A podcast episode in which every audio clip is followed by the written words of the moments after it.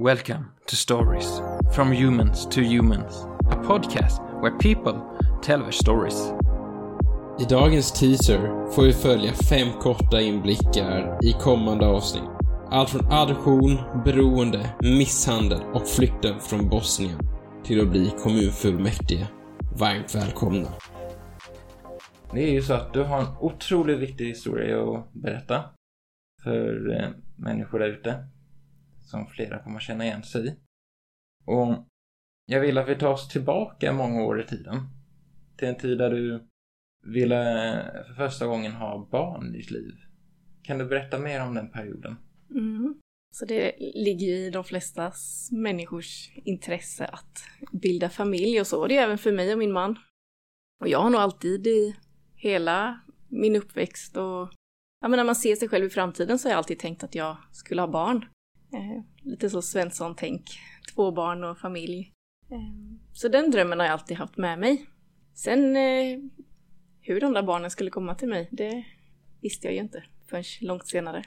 Jag kan ju mm, säga det att eh, själv är jag ju i den åldern där de tankarna börjar komma. Så mm, det är väldigt fascinerande att få höra hur allting funkar för någon annan då. Mm. Alltså det, det, är ju ingen mänsklig rättighet att få barn, fast det känns ju så. För folk säger rent allmänt att man skaffar barn. Eh, så man tror att det ska bara fungera. Och det gör inte det. För ganska många är det en kamp att lyckas bli förälder.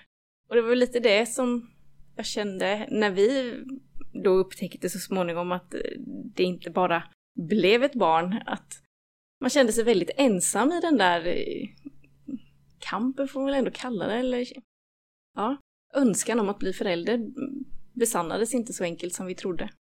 Vi skojade lite och raljerade över att ja, men folk bara gick på krogen och rätt som det var så var de gravida och, och fick barn och det kanske inte ens var önskade barn och vi, vi då som, som verkligen längtade och önskade ett barn, att vi inte fick lyckades se eh, på egen väg av olika anledningar. Så.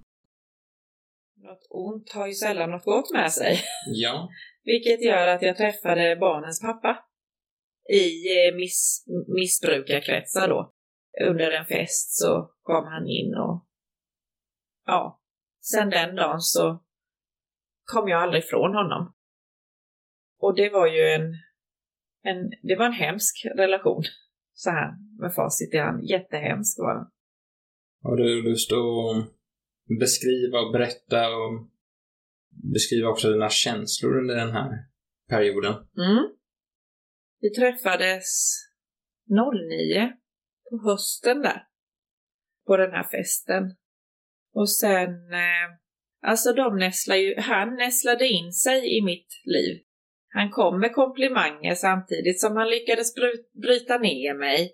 Och så komplimanger och bryta ner och först var det ju mest via samtal och sms. Men sen blev det ju mer, vi träffades och ja, jag flyttade in till honom till slut. Han skärmade av mig mer och mer. Eh, jag kunde ju inte åka runt och träffa andra och ha jobb och så. Jag var ju så dålig i ryggen så jag var ju tvungen att vila samtidigt som man var en idiot. Så det, ja, jag flyttade in till honom i alla fall. Och första slaget, det var väl då jag blev lite rädd, eller jag blev riktigt rädd, rättare sagt. Jag blev jätterädd. Och jag vet att jag, jag tänkte bara, men alltså det här, det här är ju inte jag.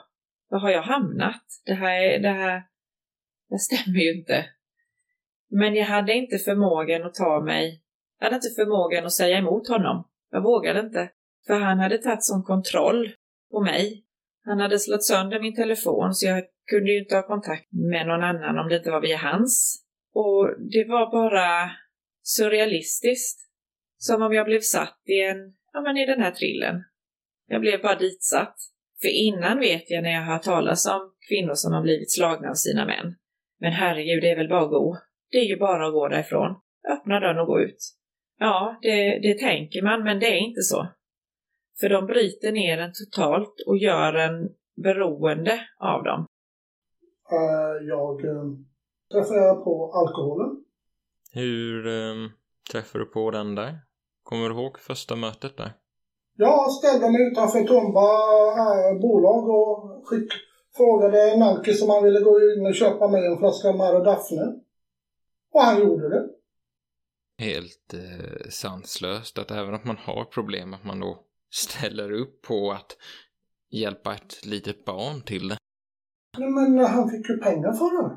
Ja, Men eh, en alkoholist tänker ju bara på sig själv. Men vad heter det? Det var en fredagkväll. Jag vet det. Jag skickade i mig hela den starkvinan. och fy tusan. Men jag insåg, jag kände uppe i min skalle, det här var någonting för mig. Det släppte alla mina hämningar. Mm. Allt som låg, låg inna, innanför, jag tyckte det var helt underbart. Det var det jag tänkte på. Ja, den där kicken tror jag många känner igen sig i man får av alkohol. Första gången ja. Sen ska man försöka uppnå den varje gång nästa gång och det gör man ju inte. Nej. Sen eh, gick det väl, det gick väl kanske två, tre veckor. Sniffat äh, tinner, lim, rökte hasch innan jag fick söta. Alltså fy tusan. Var det lätt att få tag på allt det där på den tiden där? I det området? Ja, vi fick åka in till Stockholm och köpa det. Sjuan gick jag i Salmstaden. Jag lärde mig göra inbrott under den tiden i sjuan. Snattade väldigt mycket, gjorde mycket bus. Men mamma hon styrde och ställde och eh, hon, eh, när hon var som sämst så var jag livrädd för henne. Hon jagade mig med kniv genom lägenheten. Jag hade råkat släppa in en mygga och mamma trodde att hon skulle få aids av den här myggan. Och att hon skulle dö och då tyckte hon sålunda att då skulle jag också dö. Det var inte mer än rätt. Hon eh, kunde hålla mig vaken hela natten när hon dog, sparkade i, i hallen, i väggarna och slog sig i huvudet så att hon svimmade och var fullständigt vansinnig. Hon hade ju OCD, alltså tvångstankar. Och de här tvångstankarna visade sig på olika sätt. Dels på att hon skulle tvätta händerna så de hon hade knappt några händer kvar. Skinnet var helt för sönderfrätt. Och eh, sen kunde hon, allt som man sa kunde hon koppla till ond, bråd och död.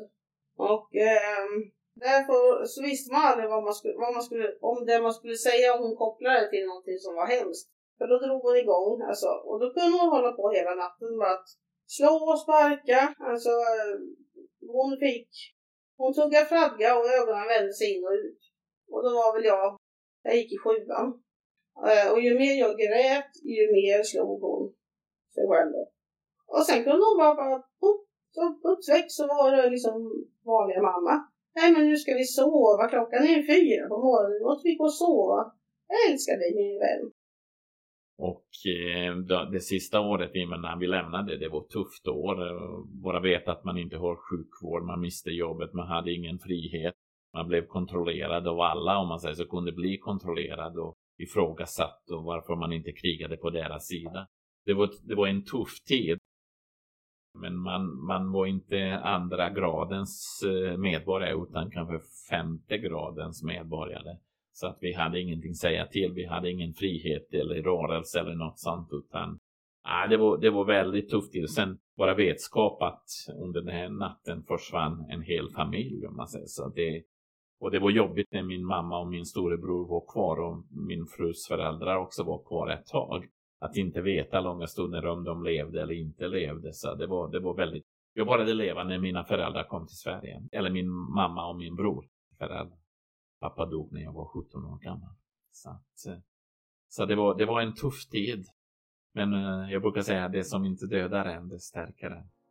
Tack för att du lyssnade på denna teaser. Häng med den 9 februari. Då får ni följa Ida Goldstrands berättelse om barnen som inte kom av sig själva. Därmed är podden fullt igång. Ha nu en fantastisk dag.